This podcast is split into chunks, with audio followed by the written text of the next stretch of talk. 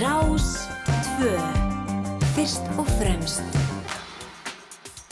Já, komið sæl og blessuð, þá höldum við að stað hér á Rás 2. Ég heiti Felix Bergsson og eh, þetta er þátturinn fram og tilbaka á laugatasmotni eins og alltaf hér. Já og þetta er síðasti þáttur ársins að fram og tilbaka því að e, næstu laugardagar eru hreinlega 25. desember og e, 1. januar og e, já nei, 25. Nei, fyrir ekki jú, 2050 er það og síðan er það þá e, 1. januar og e, e, við erum ekkert að, að, að mæta hér klukkan 8 í góðri gleði í það allt saman þannig að í staðin ætla ég að vera með ykkur í einhverjum öðrum þáttum, ég ætla að vera hérna á aðfangadag með minn þátt þá og, og svo ætla ég að vera með ykkur á gamlástag í þættinum á síðustu stundu. Og svo er aldrei að vita en ég er dett inn í eitthvað inn í eitthvað skemmtilegt hér milli jóla og nýjárs en við ætlum að hafa þetta óvennilegt í dag, það verður enginn fimma í dag, það er bara einlega, reynlega orðið ofnalótt jólum og mikið í gangi og ég ætla í staðin að skoða eitthvað aðeins annað. Ég ætla að heyra nýri bók sem var verið að gefa út í tilefni af e, 40 ára ammæli Ljósmyndsafs Reykjavíkur, glæsileg útgáfa hjá þeim, bókin Nætur sem daga. Þau komu hérna Sigriður Kristín Byrnudóttur og Guðbrandur Benediktsson og segja mér frá því. Og svo ætla ég að fjalla aðeins um uh, sjómanstátt sem verður í kvöld í sjómansmunni og á sundarskvöldi fyrir gefiði E, og það er Eurovision unga fólksins Junior Eurovision sem við ætlum að sína í fyrsta skipti í sjónvarpinu e, í ár. Þetta er 19. sinn sem keppnin er haldinn og ég ætla að spila fyrir ykkur nokkur brotum nokkur lögum sem að keppa í keppnin í ár. En þetta eru svona yngri listamenn sem keppa þarna 9 til 14 ára, hvorki meirinni minna og e, mjög skemmtileg svona fjölskyldu sjó sem verður gaman að heyra hvernig þjóðin tekur í. En þetta verður annar kvöld í sjónvarpunni hér hjá okkur í svona beitni útsendingu á ská.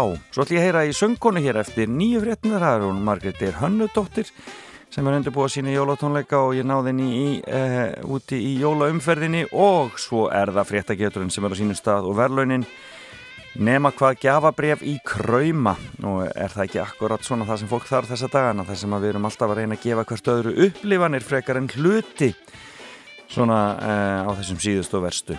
Gjafabrif í kræma í velunni fréttagetur og þið getur ringt hérna um hálf tíu leitu og tekið þátt í henni. Mikið bóður í fréttum í vikunni.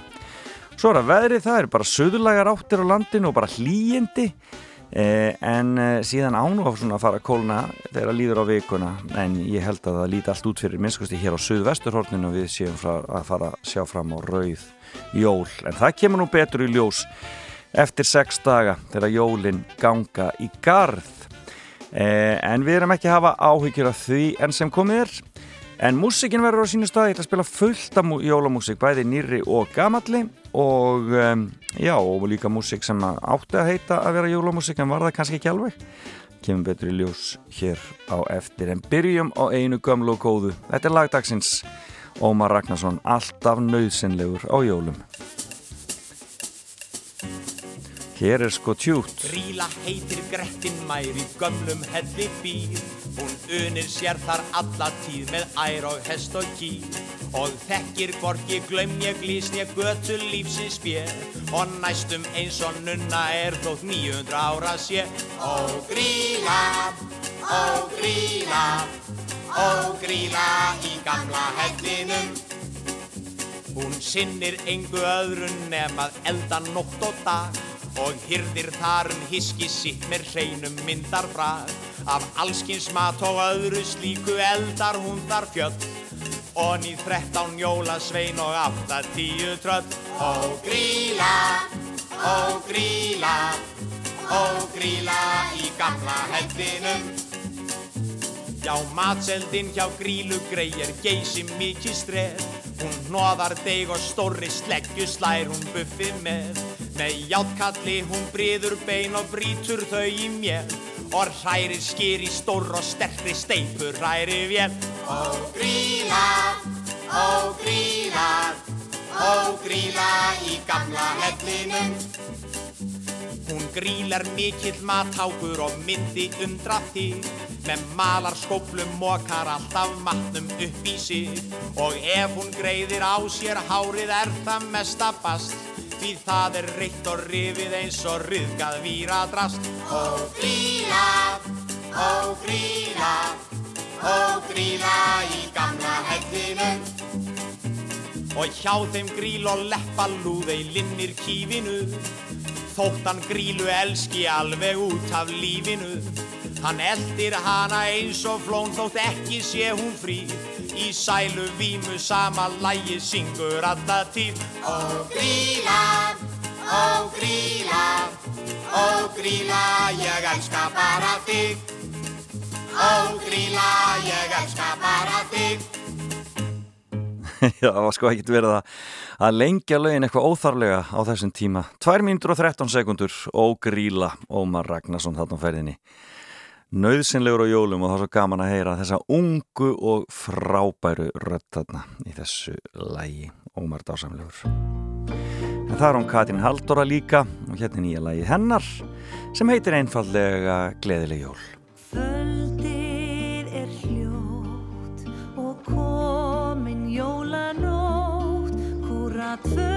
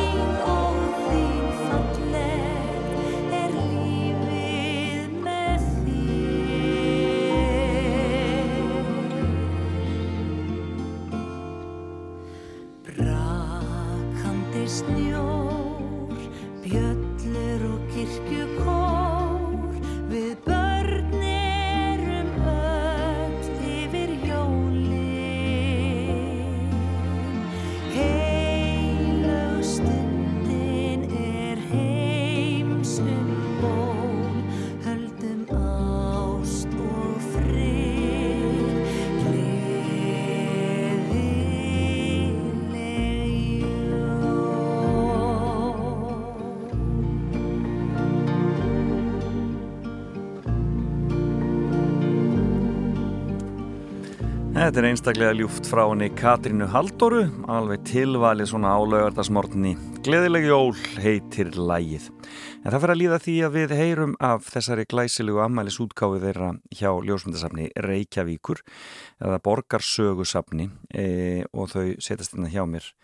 E, Guðbrandur e, Benediktsson og e, Sigriður Kristín Byrnudóttir hér eftir smá stund en að þar áður skulum við heyra annað svona örstutt lag Eh, lag sem að Sigriður Tólasíu sendi frá sig fyrir nokkrum árum síðan Jóla Ósk 1907 og svo fyrir við að rappa um ljósmiðunar Þú ert að hlusta á Fram og Tilbaka á Rás 2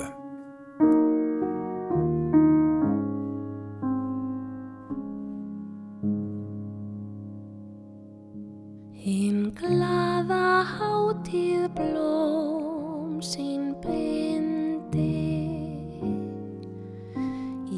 besta kransinn handa þér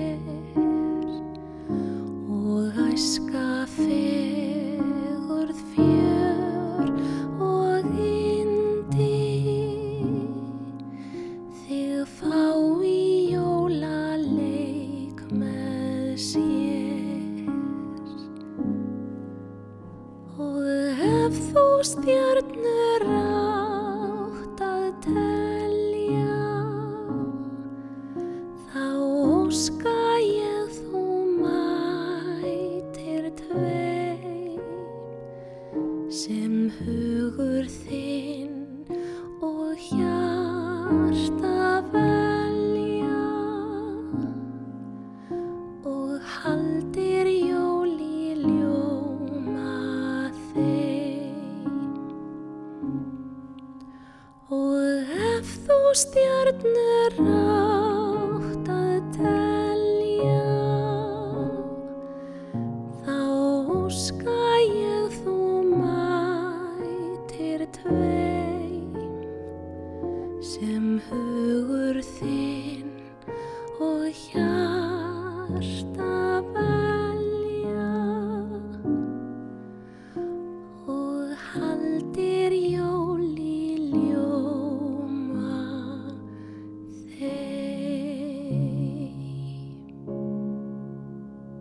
Þá er ég komið góða gesti hér til mín eh, frá eh, Borgarsögusafni Reykjavíkur og eh, þau sita hérna hjá mér Guðbrandur Berendilsson sem er forstöðum að Borgarminjasaps og eh, Sigriður Kristín Byrnudóttir eh, sem að er hérna aðstandenda eh, mikillar útgáfu í tilöfna ammæli ljósmyndasafsins. Ljósmyndasafni er þess að hluti af Borgarminjasamni eða ekki Guðbrandur? Jú, hluta borgarsögursafni á samt árbæðasafni, sjóminnisafni, landnáðsýningun og viðei. Já, akkurat, þetta er, þetta er heilmikill, eh, heilmikill, eh, já svona heilmikill hattur sem borgarsögursafnið er yfir. Já, og mikil, mikil fjársögur hérna og ekki síst á ljósmyndasafninu. Það er náttúrulega alveg gríðalegt magna af ljósmyndum, eins og gefur að skilja. Á Nákvæmlega, sjöndu miljón mynda. Frá þessum 40 árum. Hvernig, uh, sko, Já, sko, myndirnar eru náttúrulega frá miklu lengra tímabili. Já. Elstu myndirnar eru frá setni hluta 19. aldar og svo erum við bara að feta okkur inn á hérna, stafrænu öldina, taka við stafrænu myndasöfnum. Þannig að við erum með alltaf svona breytt svið og auðvitað náttúrulega fókusin svolítið á sögur Reykjavíkur þannig að þeir eru komið með bara sérstaklega gagna verið eitthvað staðar. Já, já, já, má, má segja það sko En stæðstur hlutin er eftir sem áður sko filmur og glerplötur og, og, myndir á pappi sko. Hver, sko, segðu mér aðeins sögu ljósmyndasafsins. Hvernig, á, á hvaða grunni verður ljósmyndasafnið til? Sko, ljósmyndasafnið fagnar 40 ára afmæli í ár Já. Uppalega er þetta stopnaða miklum eldtögum Ívari eh, Gissurarsinni og fleirum Já, hann var nú einmitt að reykja þessa sögu fyrir mér um daginn.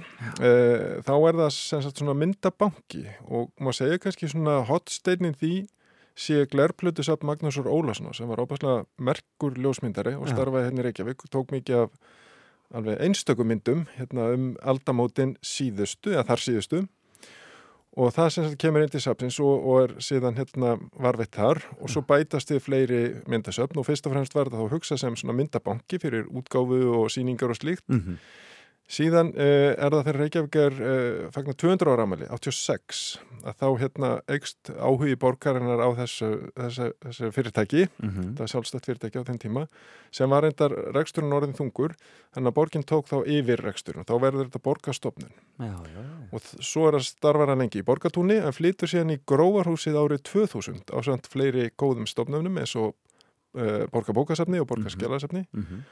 Og það er mikil menningar miðja náttúrulega og hafnarhúsi með leistasafni hinum einn. Nákvæmlega. Borgi var nú bara dögunum að kaupa allt hafnarhúsið og það stemt á ljósmyndasafni farið síðan þangað yfir á Já. komandi árum. Bara yfir í listasafnið hreinlega þá semst eða í húsnæði eða það verður semst hluti af, já, eða verður- í, í, sama húsi semst Já, það verður húsið sjónræna. já, húsið sjónræn, en skemmtilegt En safnið sérst er er þá 40 ára núna í ár og, og hefur verið mikið um dýrðir hjá okkur í, í tilöfni þess.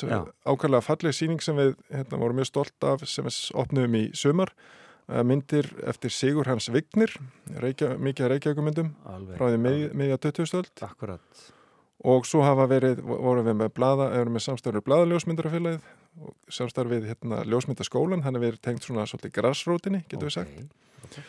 Og uh, svo er hérna ungur upprennandi ljósmyndari síndi hjá okkur núna haustugum Sigurður Unnar Birgisson, uh, síningun Heilmir snýr heim, myndir af eldri uh, mönnum og Já. blómum, þetta var mjög skemmtilegt tvist og, og síðan hérna má kannski segja að, að hápunturinn á þessu ammælis ári sé útgáfa bókarinnar sem við ætlum að ræða. einmitt, nætur sem daga heitir hún um, Sigrún- Sigríður, ert þú fyrst og fremst á, á ljósmyndasafninu eða hvað? Já, ég starra al aðalega þar. Já, ert bara þar Já. og e, hvernig er það? Er, er fólk að koma til ykkar? Er, að er, er, er aðsókn á þessum sýningar eins og Já, það, hún hefur verið nokkuð góð en náttúrulega COVID-ið setti svolítið strik í reikningin auðvitað? þegar við vorum að ná okkur strik hana eftir saminningu borgas, við borgarsögursamninu Já, en við fáum náttúrulega bæði sýningagesti sem er ge- gert að koma til að skoða sýningar en svo fáum við náttúrulega mjög mikið fólki sem er í myndaleit hvort sem það eru þá fólk sem er í bókaútgofu, í auglýsingabransanum eða bara hannlega almenningu sem er að leita gamlu brúkupsmyndina af og ömmu. einmitt og já, og þannig að, að sko flóra gestana og erindin eru ansi, ansi breið. Og er þá bara rauninni hægt að kaupa það af ykkur eða svo Já, já, já, það er hægt að kaupa bara annarkort prent eða, eða stafrænt eindaka myndum Já. og svo náttúrulega er, er hérna, fer eftir nótgun og, og, og hver- hvernig, hvert framhaldið er en þetta er, svona, þetta er mjög breytt svið sem við erum að þjónusta. En það lítur náttúrulega að vera uh, höfundaréttur á Já. mörgu af þessu Jú, við erum einmitt með, með þessi samninga við myndhöfunda Já, og sem við greiðum þá út í sam, samræmi við nótgun mynda. einmitt. Þetta, er, ná- þetta lítur að vera mjög flókin, uh, Já. flókin uh, þarna. Já, þetta er Prósess. Já, já, þetta er svona línudans sem þarf að stíga og maður vill auðvitað efni sé í umferð og maður vill líka myndhöfundur njóti verka sinna. Auðvitað, sannarlega. Já. Og ljósmynd er náttúrulega kannski, ég veit ekki, er, er, er það svona í setni tíð sem hún hefur fengið viðurkenningu sem alvöru myndlist eða, Ég, eða það er náttúrulega myndlistamenn hafa alltaf verið duglegir að nota ljósmyndir í listsinni Já. en það hefur nú verið svona einhvern konar eldvekkur á milli virðist vera myndlistar annars vegar og, og ljósmyndirna sem yðin hins vegar. En, en svo eru þetta menn sem vinna með, sísla með bæði þannig að, að þetta er kannski að hverfa smátt, smátt og smátt. Já, já, Og svo náttúrulega er eins og núna eins og ljósmyndaskólinn sem er að opna hjá okkur um helgina sína útskriftasýningu, þar er heilmikil myndlist og já, hérna, en líka unni með gamaldags eins og með filmuna, þannig að það er bara breytin er ótrúleg. já, gaman að því.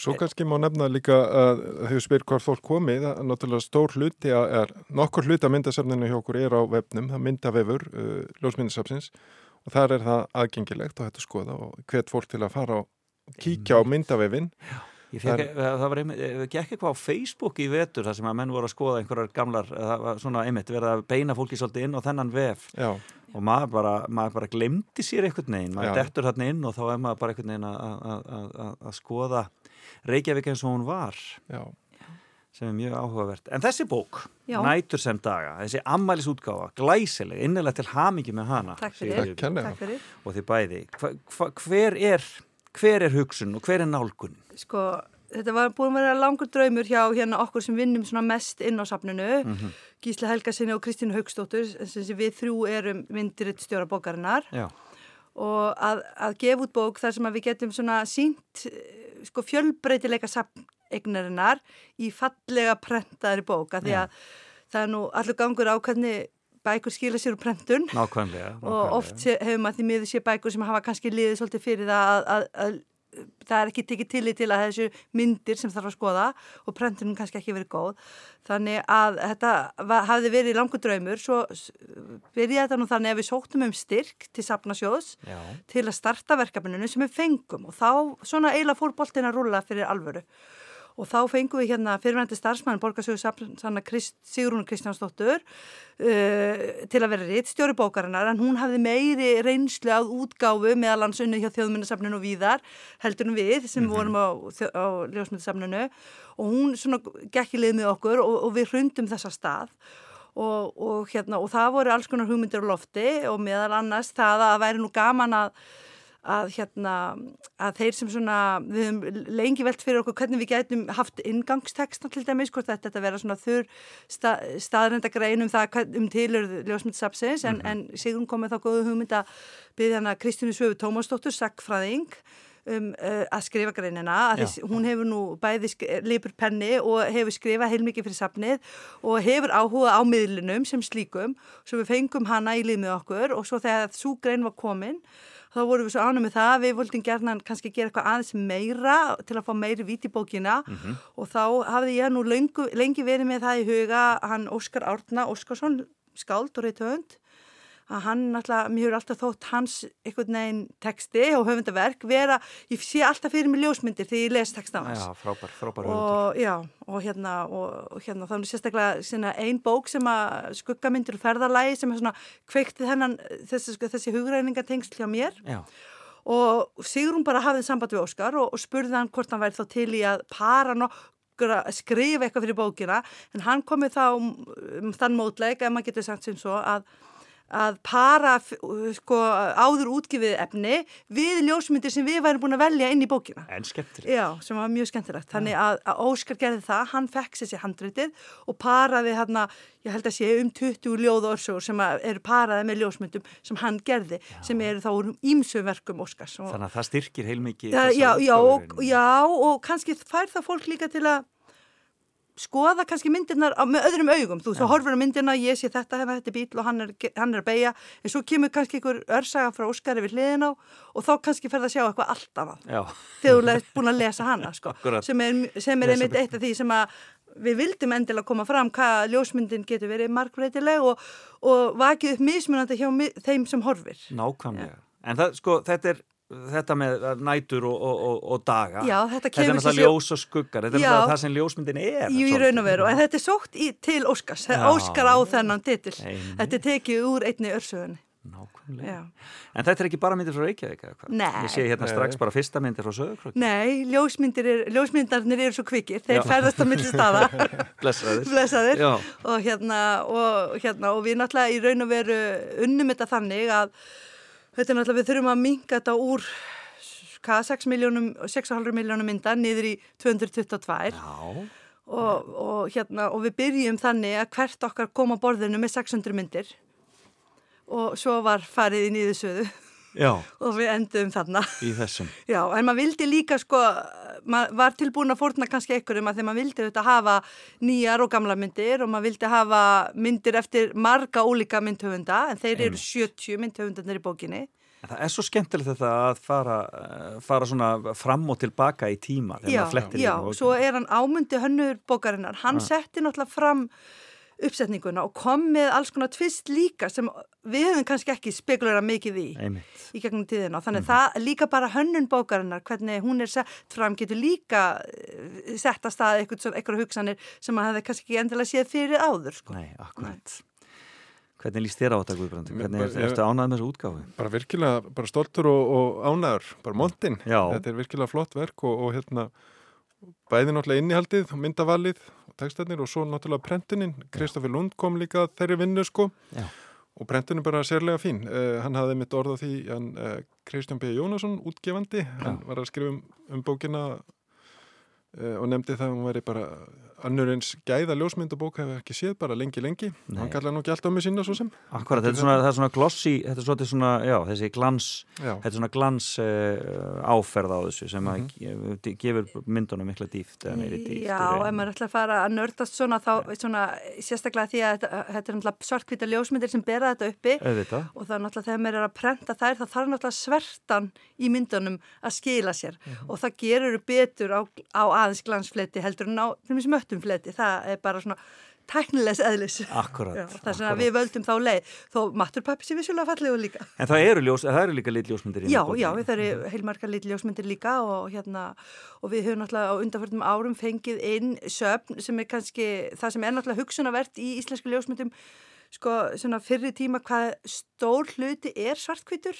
af því það er eins og atvinnu mennirnir íslensku hafi frekar seint að nota lit sem er mjög undarlegt með við nýjungagirni íslendinga almennt, þannig elstu litmyndirnir okkar eru frá amatörum og síðan fara þeir, litmyndirnir kannski ekki skila sér fyrir svona upp úr 1950 um og eftir 1950 þegar að slætu slætu menninir fara að skila sér inn þeir sem voru að mynda á, skikun og þá er það oft því miður segi ég bara landslægið en okkur vantar náttúrulega litapalettur Reykjavík þessa tíma sko. Já, það vantar svolítið. Já, vantar svolítið, finnst mér, já. En áhugavert. Já, já. Þetta var náttúrulega svolítið kallasport alltaf, ljósmyndun. Er það að breytast? já samt sko náttúrulega það meðal frumkvæluna eru, eru konur, Eru konur, já. Í upphafi var þetta, var þetta svona meira jafnbræðir við svo, en svo breyttist þetta klárlega yfir í kallasport Já. og, og vonandi er svona verða viðsnúningu núna en, en maður finnur það samt sem áður en þannig að í dag eru til dæmis blaðljósmyndari meir hluta kallmenn Já, já, Já, akkurat. já. Já. Miklu, miklu meira. og við náttúrulega varveitum mjög mikið af blaðasöfnum þannig að Já. það er náttúrulega kynjahallin það er töluverður Já, akkurat. Já, já. En höfðu það eitthvað í huga við út Já, af við bókar? reynum náttúrulega þarna í þessari bók að við erum auðvitað eh, með myndir eftir konur að sjálfsögðu og við náttúrulega völdum það við unnum heilmikið í tengslu við síningu sem við unnum í samstarfi við þjóðminnisafni fyrir nokkrum árum sem hétt Betur sjá augu sem Katrin Elvarsdóttir var síningastjóra af. Þá dróðu við fram heilmikið efni eftir konur úr safnegninni Og, og það sem situr kannski helst eftir, eftir það, þá vinnu er þessi myndir Valdísar Óskarsdóttur, hérna kvikmynda gerðarkonu og ljósmyndara og Ingi Björgur Ólafsdóttur sem var sett vann hjá Gefafótó og, og var eh, hérna fjallakona og útvistarkona og myndaði mikið svona bara eins og, eins og strákarnir eh, á hérna, þessum áratug, jökla og, og, og landslag Og svo náttúrulega erum við með hérna mynd þarna eftir Ragnæði Bjarnadóttur sem lærði en vann aldrei við fæið Mhm. og hérna og já og, ýmsa, og Sonju Bjólafsdóttur sem að er eina af þessum nýju ungu ljósmyndurum sem er ný útskrifið úr ljósmyndaskólanum. Þannig við vissilega reyndum að, hérna að, að, og já og líka eftir að hafa þetta eftir sem fjölbreytt þetta. Nákvæmlega. Blaðamenn og, og yðna ljósmyndara og amatöra og bara alls konar. Æðislegt. og nýjustu myndirnar eru úr hérna svona ljósmyndaskráningaverkefni sem við erum líka mjög ánað með, e, þá fengum við sem sagt e, þrjá ljósmyndur, við gert það núna síðustu þrjú ár, þrjá ljósmyndur ári til að dokumentera ákveðin hverfi sem að eru í uppbyggingu eða breytingu, þannig að við erum svona skrásetja söguborgarna og unnið þetta með já. og höfum tekið fyrir svæði eins og hérna uh, Ártúns höfðan sem er að ganga, mun ganga getna mikla breytingar Vogabygðina, líka Grandan og, og fleiri svæði. Já. Eh, það er bara svo mikilvægt að við telum okkur vera að búa til heim, svona gögn heimildir fyrir framtíðina. En svo er þetta líka bara falleg myndverk. Þetta er náttúrulega alveg toppljósmyndar sem að vera að vinna að þessu. Nákvæmlega. og tværa þessum bókum eh, myndum sem náða að ratin í bókina.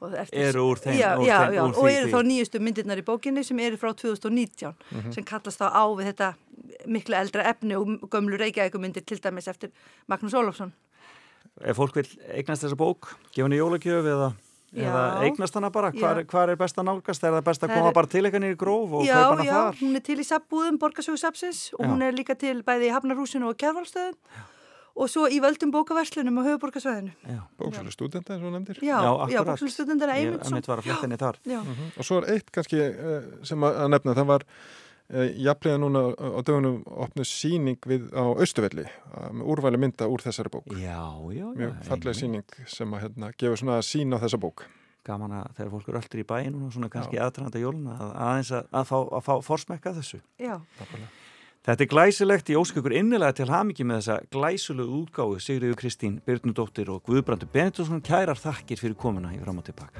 Já, Takk. Takk fyrir okkur. Stuttir í desember. Dáldi mikil tími í amstur fer Svo mikið um að vera og margt að sjá. Margir er á hlaupum til að ná. Er allt hjá þér komið á yfirspinn? Og ekki virðist mæja dagurinn. Findu þá sóf og flegðu þér Fylstu svo vel með hvað ég segi hér. Þú skalt anda inn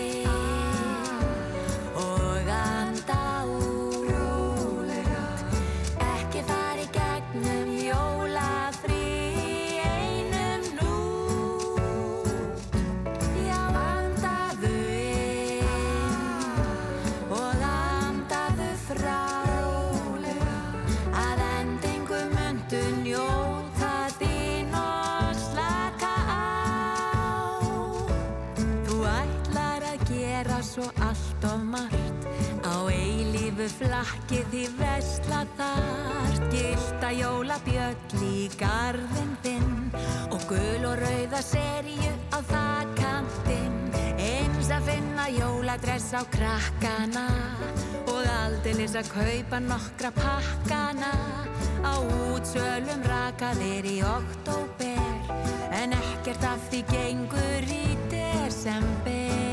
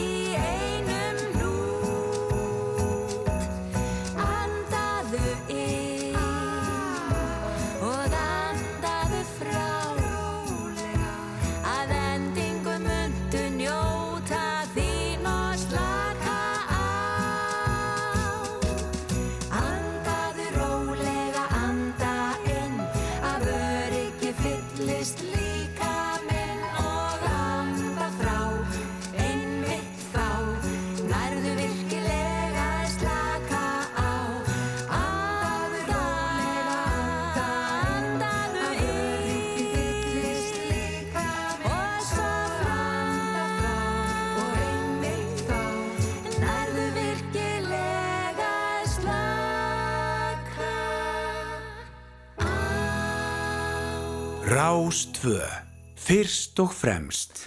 Já, þeir eru að hlusta á Rástöðu, þetta er þátturinn fram og tilbaka og við vorum að hlusta hér á heimilistóna og lægið sem vann jólalega keppni Rásar 2 árið 2021 Anda inn, þetta lag hefur alla burði til þess að verða klassíst og það eru þetta Katla Margrit sem að er þarna í fararbrotti e, Þorgersdóttir og e, e, þar á undan vorum við að heyra þessari glæsulu útgáð í ljósmyndasamni Reykjavíkur, mæli með þessari bók það er ótrúlega gaman að fletta í gegnum þetta og, og sjá hluta af þessari ótrúlegu sögu sem þarna er.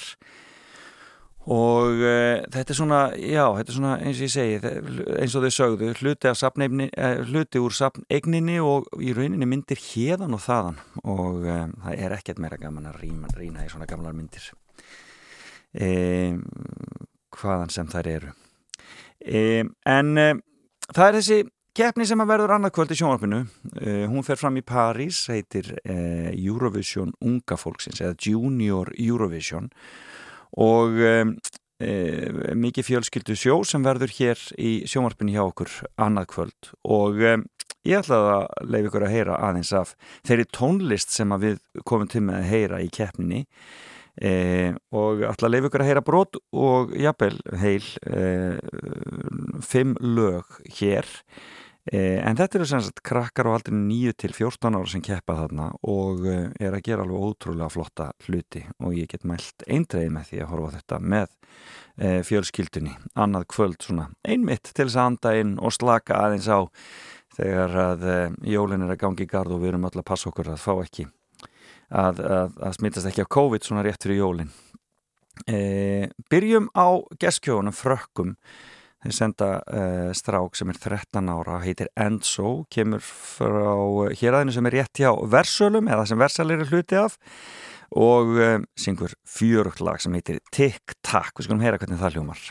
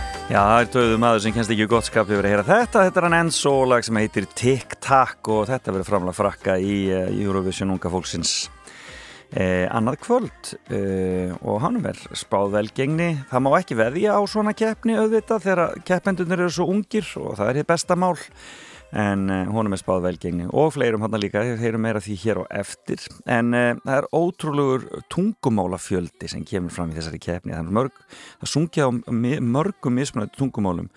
Uh, en það er reglan svo að menn eigi að syngja á tungumáli þjóða sinnar og það er ótrúlega gaman að heyra.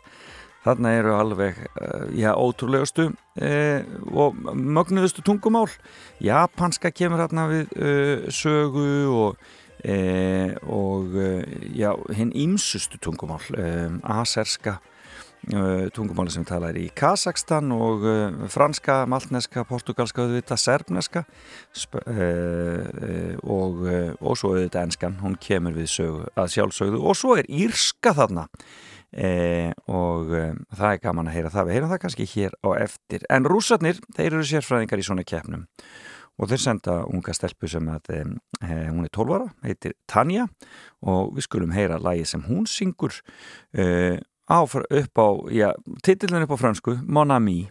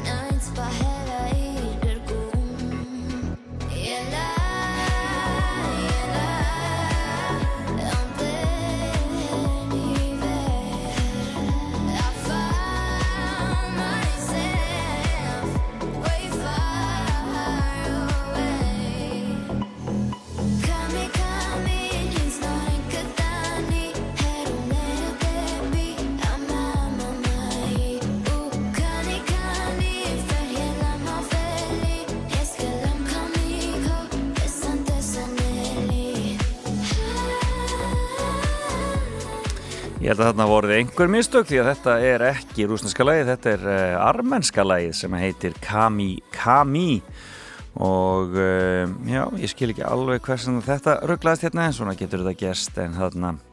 En þetta er uh, einhver að síður hið príðilegasta pop og Armenia búin að gera það mjög gott í þessari keppni. Í rauninni það land sem að hefur staðið sig hvað best í Eurovision unga fólksins í gegnum tíðina og endar eiginlega alltaf inn á topp uh, þremur og hafa aldrei ekki verið inn í topp tíu í þessari kefni um, skemmtilegt. En þetta lag heiti Kami Kami og, já, og uh, var sungið á ýmsum tungumólum þarna um, um, og uh, vel gert hjá þeim það er armenska og það er, ég held að rúsneskan hafa komið að það sögu og svo enskan auðvitað líka. En Georgi að senda hressan strák sem heitir Nico og lægið hans heitir uh, Let's Count the Smiles og Georgi hefur unni þessa keppni þrísva sinnum, korki meira en minna. Heyrum framlega Georgiu.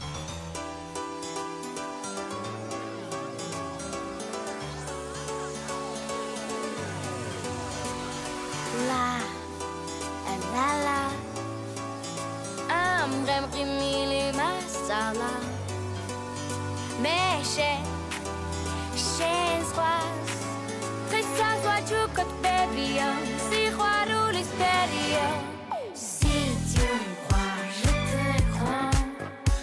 Alexeur, je te crois. Si tu me crois, je te crois.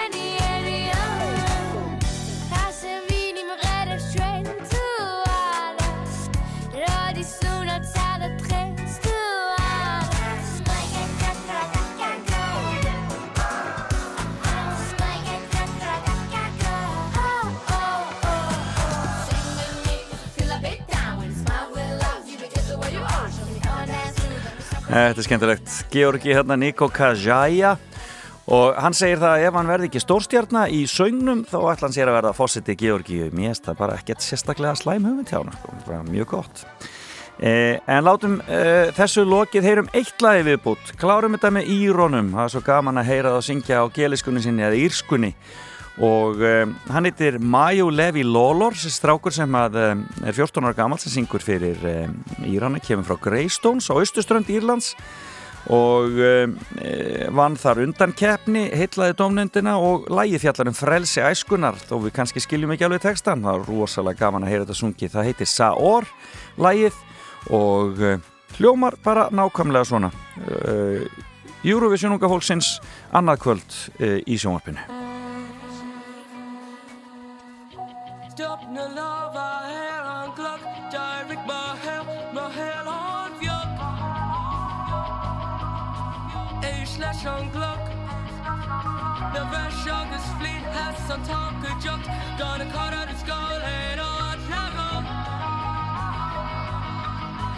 And hot Lego Chassagi, come on free We love to say love in the he No Zoom TV unsure, unsure, doubts there and more.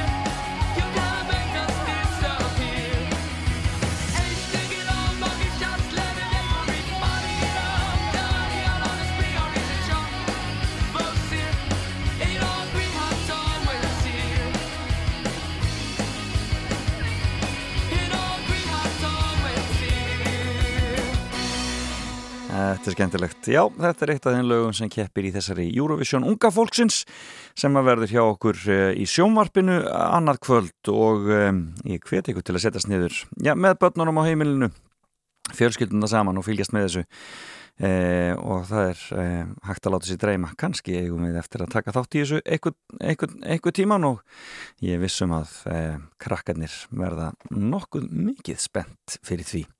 En við skulum heyra eitt jólalag áður en við förum í nýju fréttir. Leifum Jókvan Hansinni að klára þetta hjá okkur með nýju jólalagi frá sér sem heitir Jóla og sjó. Og svo höldum við áfram eftir nýju og heyrum mín í Margret Eir og förum í fréttageturinn og fleira. Rástvö, kerti, spil og góð tónlist. Alltaf um jól var ég úti á sjó, myrkrið og frostið í hjarta mér bjó. Ég fann enga sátt, engan frið, engan kærleika. Dag eftir dag og ár eftir ár var alltaf einn, dabur og sár, alltaf úti á sjó einmanna En svo komst þú og frostuð fór úr hjarta mér og myrkrið ég fyrir sól sem skinnur augun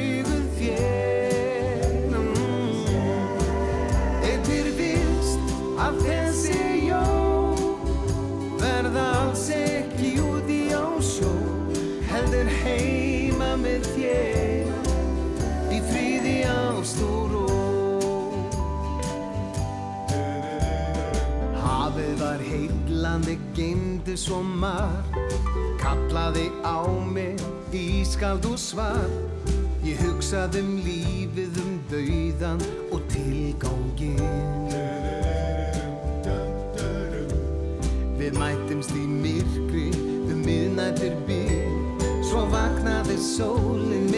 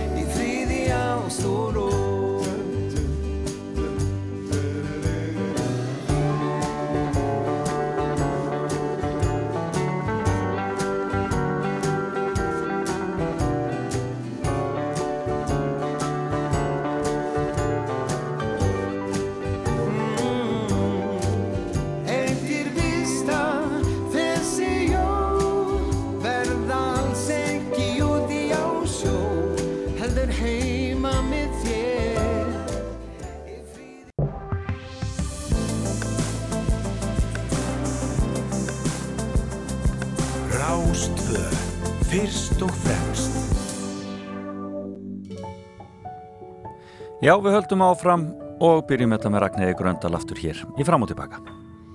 um farin fjarlægan veg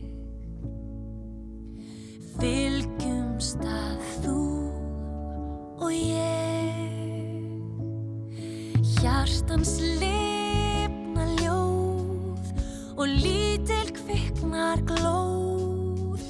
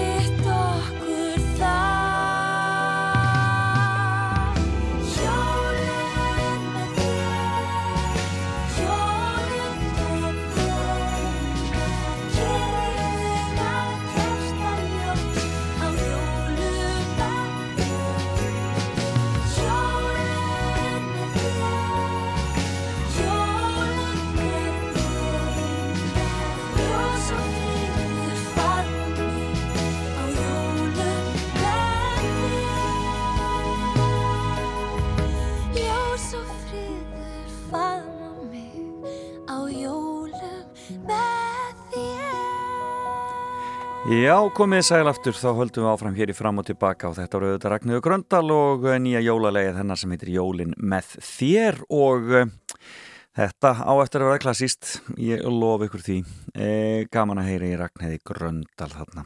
En hún er ein af þessum listamönnum sem hefur komið við í New York á sinni leið, e, fór þar og lærði á tímabili, eins og kom fram í spjall okkar hér fyrr í mánuðunum við áttum skemmtilegt spjall eða í lok november var það víst það sem tíminn líður hratt. Á gerfin hættu öll þið getur fundið við talið við Ragnheiði og fleiri eh, inn á heimasíðu þáttarins og auðvitað á öllum hlaðvarpsveitum. Eh, en þar talaði hann um, um kynni sín á New York og eh, árið 1988 gaf Írsk hljómsveit út eh, lag í desember sem að fjallaði um þeirra fyrstu kynni af New York og e, og þetta var hljónstinn U2 og e, þetta er ekki beint jólalag en þetta er samt lag sem að ég fjallar um desember og um e, New York eins og jólatré.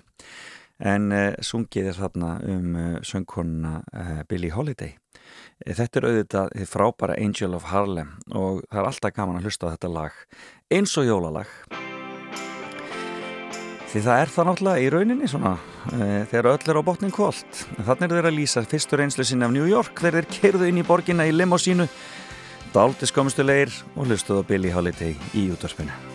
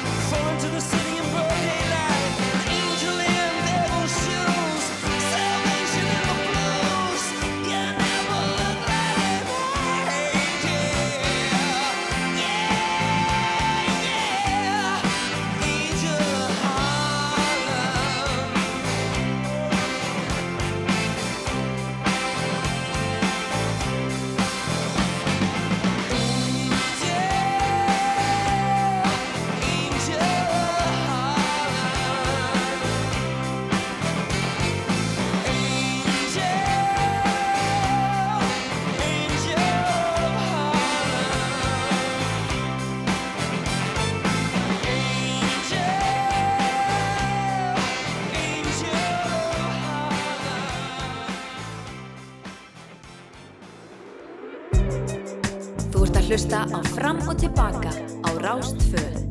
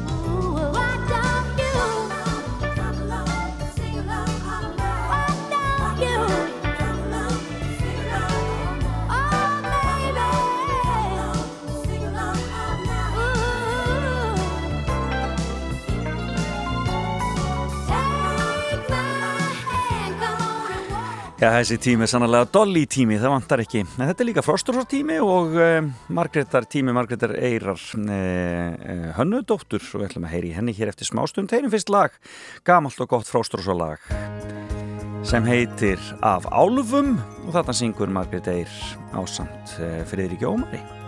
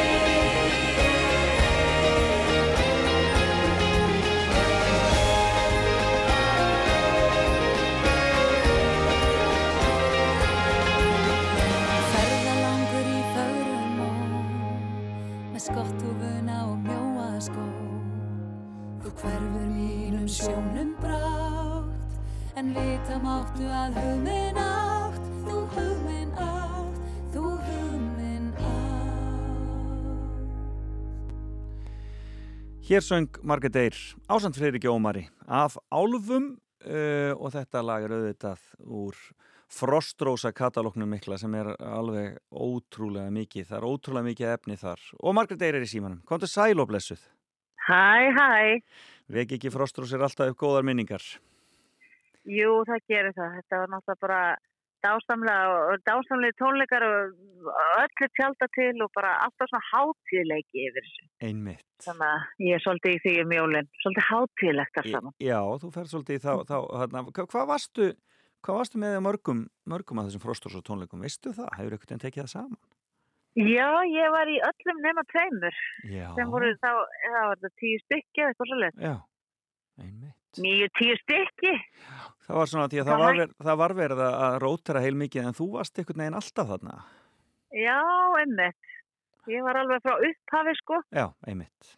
og hérna man, ég man svo rosalega vel eftir því þegar ég var að lappa inn á fyrstu tónleikana Já, og wow, því lík upplifin sko þetta var náttúrulega eitthvað nýtt konsept og maður veist ekkert hvernig þetta væri, myndi ganga eitthvað svona svo bara opnast hurðin og ég bara almáttur, það er bakfull Já, akkurat. þetta svo. En þetta var þannig að, þú veist, þetta að vera með stóra hljómsveit, stóra kóra, allt Já, svo stórt já. og mikið og svo þetta, þessi, allir í fínustu, fínustu kjólinn sem hægt er að finna. já og bara fleiri með einum skilur, maður var að skipta Akkurat. Heyrðu en allar að hafa þetta svolítið á jólatónleikunum þínum? Verður, það verður verður öllu tjálta til? Já, það er Ég ætla alveg að tróða strengjarsveitinni hérna inn í kórin Já, í fríkirkjunni hafnafyrði. Þetta verður aðeins lágstemdara en Já. það er líka bara komið svo nálagt jólunum og þá bara tekið þetta niður og vonandi flesti bara búin að kaupa allt saman og pakka inn og, og svo bara fá sér eitt svona eitt grannmarinn er og koma neyri kirkji Dásamlegt. mm Dásamlegt. Og þetta er, þú ert, já, þetta er náttúrulega frábært tónleikahús fríkirkjan í Hafnafjörðið ekki. Jú, æðislegt, þetta er svona lítið og heldur svolítið vel utanum hann Já. og þetta er eins og núna það er náttúrulega komast kannski ekki alveg eins margir og, og venjulega Nei, nei, mitt auðvitað. en þetta er bara heldur vel utanum hann og, og svona og, og þú veist, við erum ekkert volum ekki að þennja okkur þarna Nei, hverju verða með annars þér? myndum bara ekki, hún myndi springa bara Akkurat. Hverju verða með þér? Eins og venjulega eru þeir bræður, Börkur og Daði Birgisinn, þeir eru búin að vera að halda þetta tónleika í 5-6 ár Já, og svo fengum við eh, góðan liðsveika með núna Þorgrímur Jónsson, Tokki, bassaleikari já, og svo ætla ég að vera með eitt gestasöngvara, hann Egil Átni Pálsson, stórtennur vinnur minn. já, ok. Þannig að það verður, hægt að taka óhelga nótt með tilþrifum, ger ég ráð fyrir. Já, ef að það er á dagskráni, það er að segja, ég ég ok, góð hugmynd. Er það ekki? Ég skoða þetta, Það jú, ég er alltaf beint að bæta við lögum, sko. Já, já, stórtennurinnir eiga alveg, það er óhelga nótt er bara nöðsynleg sko fyrir stórtennurinn Ég sko. veit það, ég veit það. Hann var bara svo hóværi, hann var ekkert að tróða því á, á Á, frá- Nei, svona er þetta. Það er, geta verið hóvari blessaðir. Ég, það er svona einstæmi. Já, ég veit akkurat. að það er alveg, það er svona uníkan eigin. Heyrðu, þeir? Eru 22. desember og byrjum frá nýju og þetta er alltaf bara rétt rúmlega klukkutíma og hérna, og kortir í jól. Fríkistíðin hérna í myrkrinu. Já, og veistu það, það er, ég hef þetta alltaf svona nála þjólunum að þeir bara, æ, það er svo gott að þessi slaka og, og bara hérna, og ég veit um nokkra fullt af fólki sem er að, búin að vera að koma ár eftir ár og bara, þetta er ómissandi partra jólan og setjast niður og bara slaka á og hlusta tónlist. Og gerir það Mm. þannig. Já, frábært. Þetta lít, lít, ljómar aldeilis vel og um, ég bara hvet fólk til að tekka á þessu. Það, það er tix, eða ekki, eins og allt annað. Það er text.review og auðvitað, þú veist, er þetta alltaf pínu flóki núna, maður þarf að panta hraðpróf með og svona, en, en við gerum þetta allt í, róliheitunum og nú er komið hraðpróf í Hafnafyrði líka, Ok. þannig ég var að pröfa það núna eh, bara áðan, Já, að, og það virkar. Að, að það virkaði. Það er frábært. Margrét Eir, eh, ég segi bara gangið vel, þann 20. annan. Og svo óska Og ég, ég- ég þín og, þín- þér og þínum bara innilega gleðilega jóla. Sumulegis, ég ætlaði með að segja bara takk fyrir frábæra vetur á rástöðu með, með þér og gleðileg jólvinnur. Takk fyrir. Og við skulum enda þetta á uh, fallegu lagi, öðru frostrósalagi. Þetta er Engill. Takk fyrir spjallið. Takk fyrir. Bless, bless. Um dimma nótt í desember þá dreymdi mig þann söng sem hljómar enn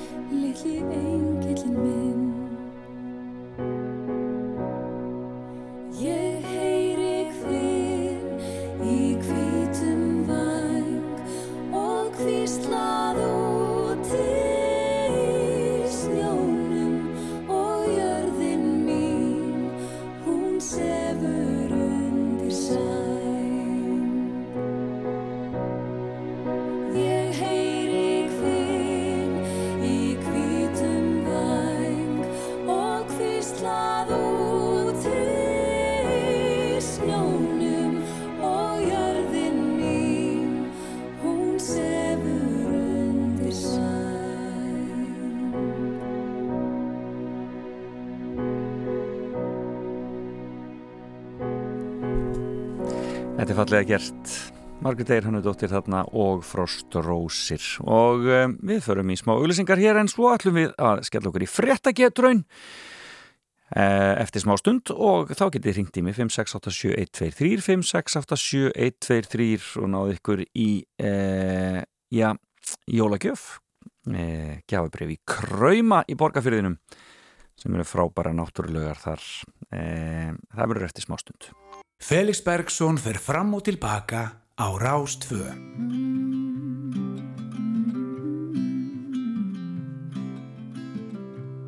Erfitt ár að líða undir lók Farið að kólna og komið norðan lók jólaljósin lýs upp veginn minn þegar erfitt er að finna tilgangin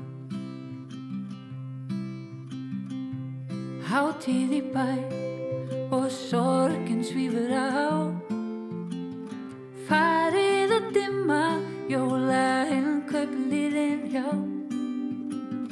Megi jólaljósin lýs upp veginn þinn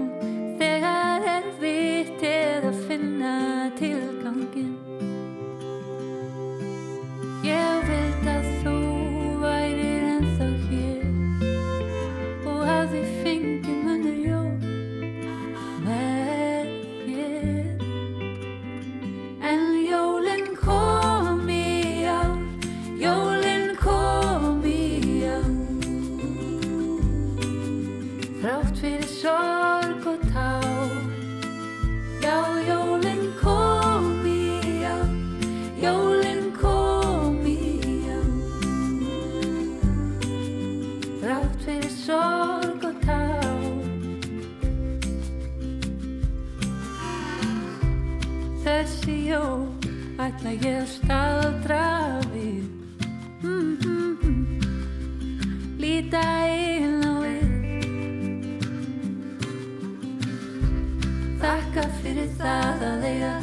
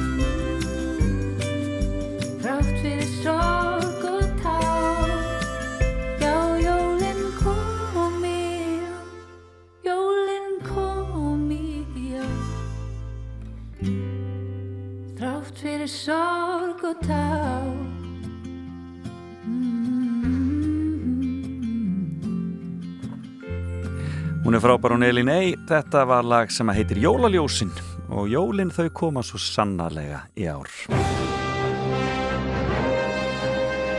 En þá skellum við okkur í fréttagetrun símin 5687123 5687123 þið meði byrja að ringja núna.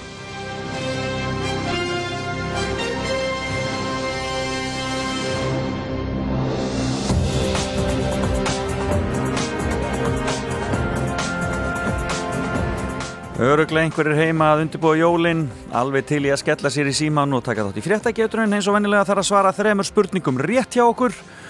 Og verðlaunin eh, gjafa bref í krauma eins og ég er búin að segja ykkur nokkur sinnum hér áður í morgun. En við skulum bara skella okkur í þetta fyrir mig línu þrjú. Góðan daginn. Nei, í alvörinni. þú náður inn, góðan daginn. Hvað heit, hvað, hvaðan ringir þú? Ég ringi úr, uh, já, ég er á milli Egilstað og, Fellabæjar. en skemmtilegt, frábært, hvernig er veðrið hjá ykkur fyrir austan? Veðri hjá okkur, það er uh, algjörlega logg. Já, Það er uh, tvær gráður á Celsius já, og það er ansi bara hár loftrýstingur, ég já, já en er, er, er snjóra á jörð hjá okkur eða? Ja, þetta er bara klaki, svona, Já, klaki, klaki í kantonum. Já, svona frekar, frekar dimmt og, og, og, og drungalegt þá. Já, svona, það, við lýsum, duglega lýsum bæina. Já, ég gott að heyra, gott að heyra. Já, Heyrðu, við skulum skella okkur í þarna fréttageturinn. Ertu búin að fylgjast vel með í vikunni? ég veit það ekki. í það kemur í ljós. Já, Heyrðu, þá skulum við byrja bara hér. Eh, Það eru jólin. Hver er jólagjöf ársins samkvæmt rýni hópi Vestlunarinnar á Íslandi?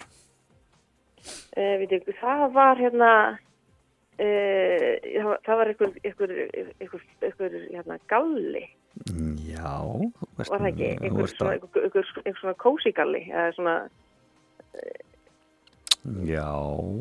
Já. svona já, svona, þú veist, svona Nei, þú veit, eitthvað svona hettupeysa og svona, svona joggingbuxur. Já, einmitt, einmitt. Já. Þetta eru kannski orðið sem ég var að leita eftir. Joggingalli er, er orðið, Já, en, ok, en þetta ok. er alveg hárrétt hjá þér. Þú Yes. ert alveg greinlega með þetta. Eitthvað svona cozy. eitthvað svona kósi. sko. Og það á kannski mjög vel við einmitt á þessum tíma. Já. Að vera bara að kúra sér svolítið heima. Já. Heyrðu, þetta var rétt hjá þér. Vel gert. Ok, ok. Em, þá ætla ég að spyrja hér. Um, já, já. Heyrðu, vandraði Borisar Johnson, það er alltaf skemmtilegt. Þau halda Va- Boris Johnson, fórsetisráður Já, Breitlands, já, hann er í já, smá já. vandræðum og í vikunni tapaði íhaldsflokkurinn kostningum í North Shropshire og Já. það var allt vittlust. Já. Hvað var svona merkilegt við að tapa þarna í North Shropshire? Uh, hérna, ég veit það ekki. Nei, í alvöru. Nei, hérna, Viltu skjóta? ég veit það, ég, ég veit það ekki, sko. Ég, ég manna ekki. Ég, Já, þú vissir að hann hafði tapað þessu en þú vissi ekki hvers vegna, eða hvað var svona merkilegt við það? Skjóttu, Eh, skjóttu, skjóttu. það merkilegt við það var að uh, hann náði ekki að kjósa sjálfur.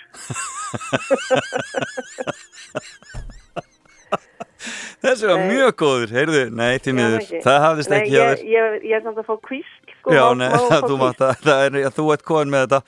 Heyrðu, kæra þakki fyrir að ringja, beða ok, ok, heilsa gangi- austur. gangi öðrum vel. Takk, takk fyrir kærlega, bless, bless og gleðileg jól. Heyrum í næsta, kannski veit næsti þetta, góðan daginn. Nei, þessi veit það greinilega ekki, en veit þessi þetta, góðan daginn. Já, góðan daginn. Góðan daginn, veist þú hvað það var merkilegt við þennan, þetta tap þeirra þarna í North Shropshire?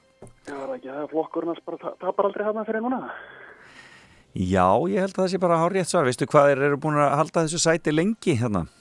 Alltaf lengi eða ekki bara? það myndi einhverju segja það, ég, ég ætla nú ekki að taka afstöðu til þess, en, en flokkun hefur semst aldrei tapað þessu þingsæti, í 200 ár hafa þeir haldið þessu þingsæti, þanga til núna, þanga til, e, þeir tókuð að þeim hann, e, frjálslindir. Svona er þetta, heyrðu, hvaðan er þú að ringja? Ég er í Reykjavík. Þú ert í Reykjavíkinni og þá er kannski ágætt að spyrja þig hér af höfuborgarsvæðinu. Sá fáheyrði atbyrður var á seltjartinnis í vikuna meiri hluti sjálfstæðismanna klopnaði í umdeildum máli og einn fulltrúin greiti atkvæði með minnlutanum. En um hvað snýrist málið þarna á seltjartinnissi sem klauf sjálfstæðisflokkin? Já, Selfjörn, það er svo afskekt, ég hef ekki fylgt með þetta. Þetta er nú á höfuborgarsvæðinu, sko. Það er alveg nóg til að fóra mjög björn. Já, viltu, viltu ekki skjóta? Nei, ég er engun þess. Heyrðu, nei, kæra þakk fyrir að ringja. Takk, bless, bless. Já, hér loga alla línu, það er einhverju sem vita þetta. Góðan daginn! Já, góðan dag. Vissuru hvað þeir fóru að rífast um hérna sjálfstæðismenninnar á Seltjarninnissi? Útsvarsprósentan. Það var auðvitað útvars, útsvarsprósentan. Þetta er stærsta mál þeirra og hérna, hún hækkaði þarna um nokkur prósent og, 0,01 prósent þetta. já, og menn er að borga nokkrum þúsundköllum meira en þetta var alveg, fór alveg með og svona er þetta. Heyrðu, hvaðan er þú að ringja? Ég fengi hérna kópavöinu bara. Þú ringir Kópói, þar er nú alveg, þar, þar eru menn með útsvarið í dundri eða ekki? Alveg í botni? Nei, nei, það er ágætið sem útsvars. Útsvars saman. Já, gott að er. En þetta er svo- er gott að búa hérna líka. Já, ég veit það, þeir segja það. Borga fyrir það, sko. Þeir segja það. Heyrðu, þú ert komið eitt rétt. Þá spyr ég, brennuvargar voru á ferði í sænska bænum Jefle í vikunni. Hvað brann til kaldra kóla í Jefle? Jæfnilega, já. Mm. Þekktu þeir ekki bara í bílum hann eða? Bílum. ekki kveiktur í bílum, því miður það var ekki rétt. En kæra þakki fyrir að ringja. Takk, bless, bless. Já, nei, þeir kveiktu ekki bílum í aðdraganda jólan í Jefle í Svíþjóði. Í hverju kveiktu þeir? Góðan daginn. Góðan daginn. Góðan daginn. Í hverju kveiktu þeir í Jefle? Hvað brann þar? Í Svíþjóð. Ég er að hugsa þess málið. Já. Nú þarfst að skjóta. Kveiknaði í samig. Nei, ekki rétt. Takk fyrir að ringja. Takk, Takk, takk. bless. Nei, þetta er nú svona. Góðan daginn. Nei, þessi veit það ekki. Nú logar allt, allir brjála. Góðan dag. Góðan og blessa. Í hverju kveiktu þeir hérna í Svíþjóð?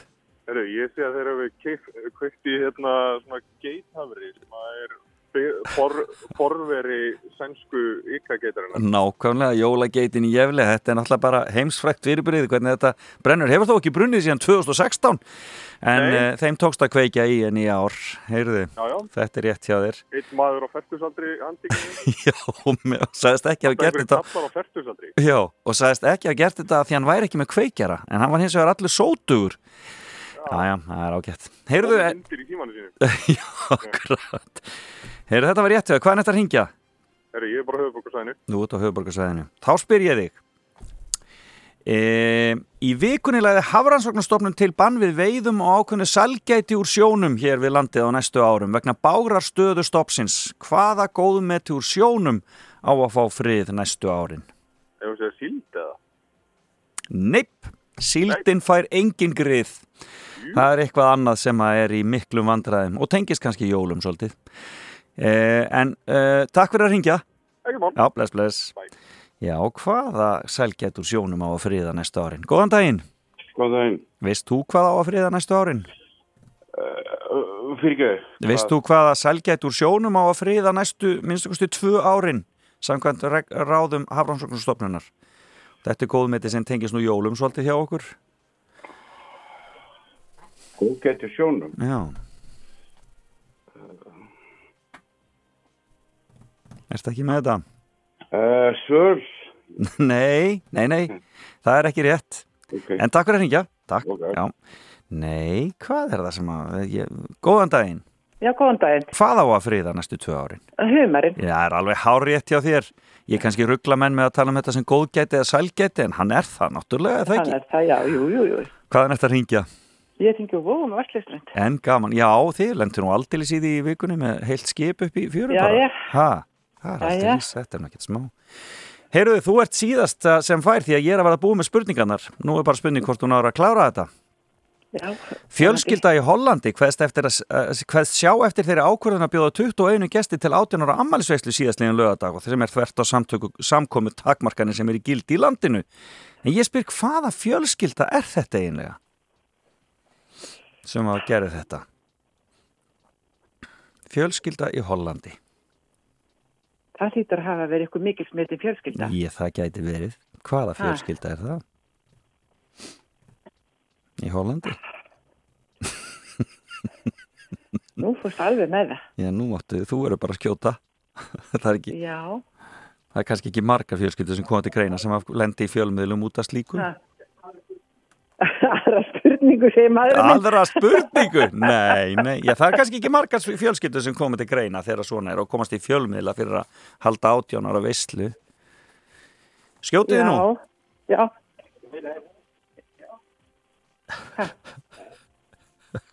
Halló?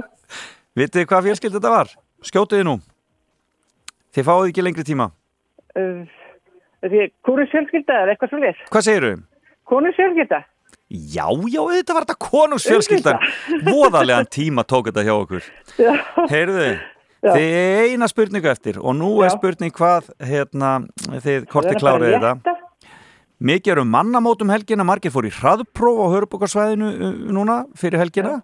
Hvað er talið að mörg prósent þjóðarinnar hafi farið í hraðpróf í gær? Það var í öllum fréttum. Já, það var eitthvað... Skjóttu nú. Ah, ah, Hversu mörg prósent þjóðarinnar fór í hraðpróf í gær? Uh, Eitt, tveir og núna. Byðröð fyrir 8.000 manns eitthvað staðar. Já, einmitt. Já. Hvað segið þið mörg prósent núna? Uh, uh, segja 3%. Er það lokasvar? Já. Það er rámt hjá ykkur. Því miður. Takk fyrir að ringja. Ok. Já, og gleðileg jól. Ég var að fyrir. Bless, bless. Já, nei, ekki voru það 3%, það voru víst 5% sem fóru í hraðprófi í gær. Og ég búið með spurningarnar og þar með gekk út. Í ég er nú alveg undrandi, mér finnst þetta frekar létt hjá mér í dag. En ég á þá bara þetta gjafabref í krauma til þess að eiga fyrir ykkur á nýju ári þegar við förum aftur að njóta þess að fara í fréttagetrun. Þakk ykkur öllum sem ringduð í dag tók þátt í fréttagetrun eða reynduð að taka þátt. Og e, fréttagetrun snýra sjálfsögðu þetta er búið að vera gaman að vera í þessu með ykkur. En hér eru Kósi og læðum jólagjöfina. Þeir klikka ekki. Kannski ágætt að fá svona krauma í jólagjöf. Ég veit það ekki. Ég fæ jólagjöf. Ég fæ jólagjöf Ég fæ jólagjöf Eitthvað sem gaman er og gott að fá Ég fæ jólagjöf Ég fæ jólagjöf Ég fæ jólagjöf En hver hún verður er vandað spá. Ég fæ pakka frá papp og mömmu og annan líka frá af og ömmu. Á þennan böggul og brefi til þín send ég bara stafið bá grín. Nú finnst mér tíminn svo lengi að líða. Það er svo langt fram til kvölds að býða Þá fæ ég til vil eitthvað frá þér En þú manst á eftir mér. Ég fæ jólagjöf Ég fæ jólagjöf Ég fæ jólagjöf Eitthvað sem gaman er og gott að fá.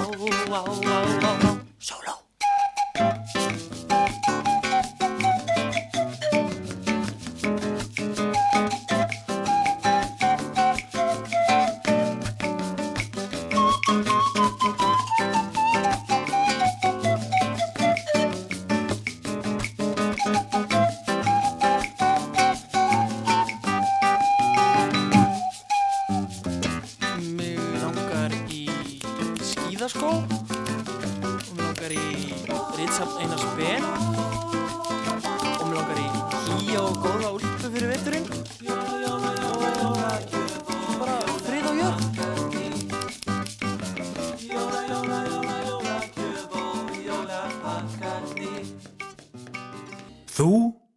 hlusta á Rás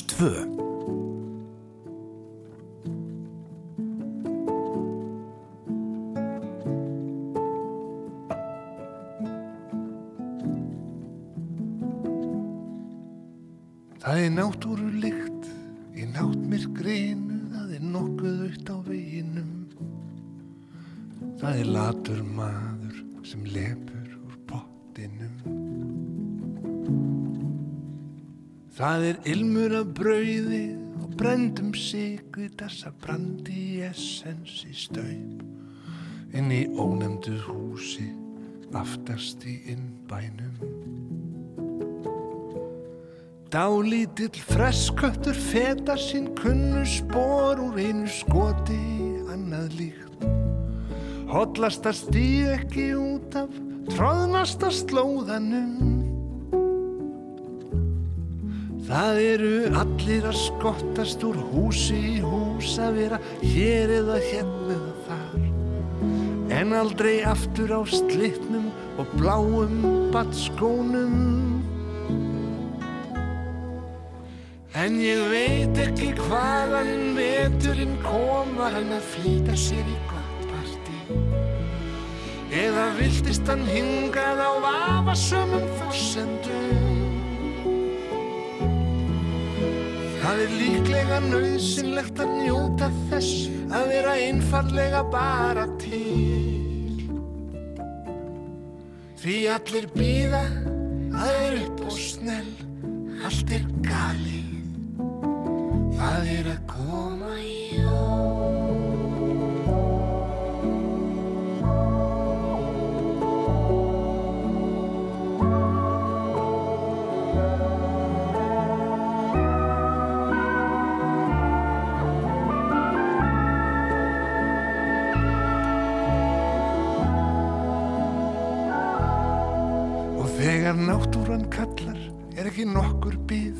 þó það sé nöðsynlegt að fá sér smók. Hvort sem nákvæmlega eða sirka bát ert alveg klár. Þér er ætlað að hoppa, þá hoppir þú út á hafið eða inn í skáp.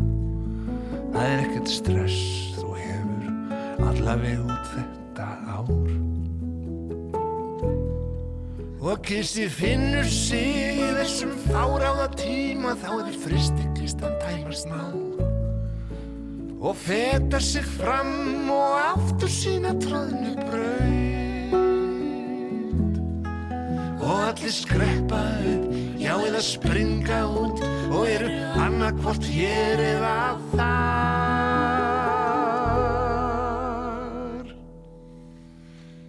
Ég bara veit ekki hvaðan þessi vetur kom. Var hann á rifið að greni vík?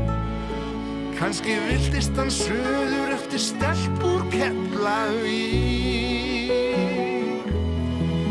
En það er bókstaflega banalt að gera nokkuð hugsanlega að vera til. Því það er nægur tími, það er notalegt, það er kósi, það er komin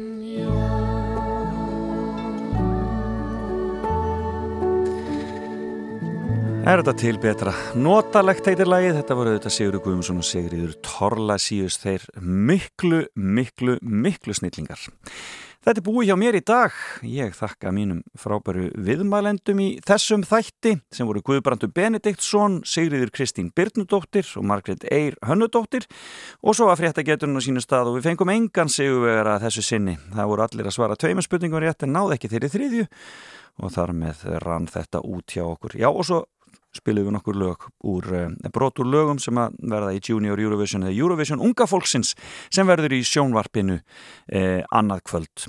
En já, enn og ný þakka ég ykkur fyrir samfélgina. Við heyrumst aftur á aðfangadag. Þá verð ég hér eftir hátegi og aðfangadag ætla að opna konfektkassan og taka á móti jólakveðjum frá Íslendingum sem búa Erlendis. Uh, þá opnum við fyrir síman þá sem búa Erlendis og geta senst jólakveður og fáum ykkur að góða gesti heimsókn með fallegar jólasögur. Það verður aðfangadag en takk fyrir í dag.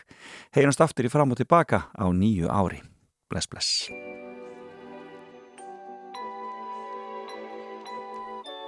Endum þetta með Jóhannu Guðrúnu og lagi sem heitir að eyða þeim einn. Í kvöld Ljósinn blika á öllum götu hornum Ég set allt stús til hliðar Eldi tónlistina sem að ómarinn á öllum stöðum. Ég reyna að gleyma mér í smá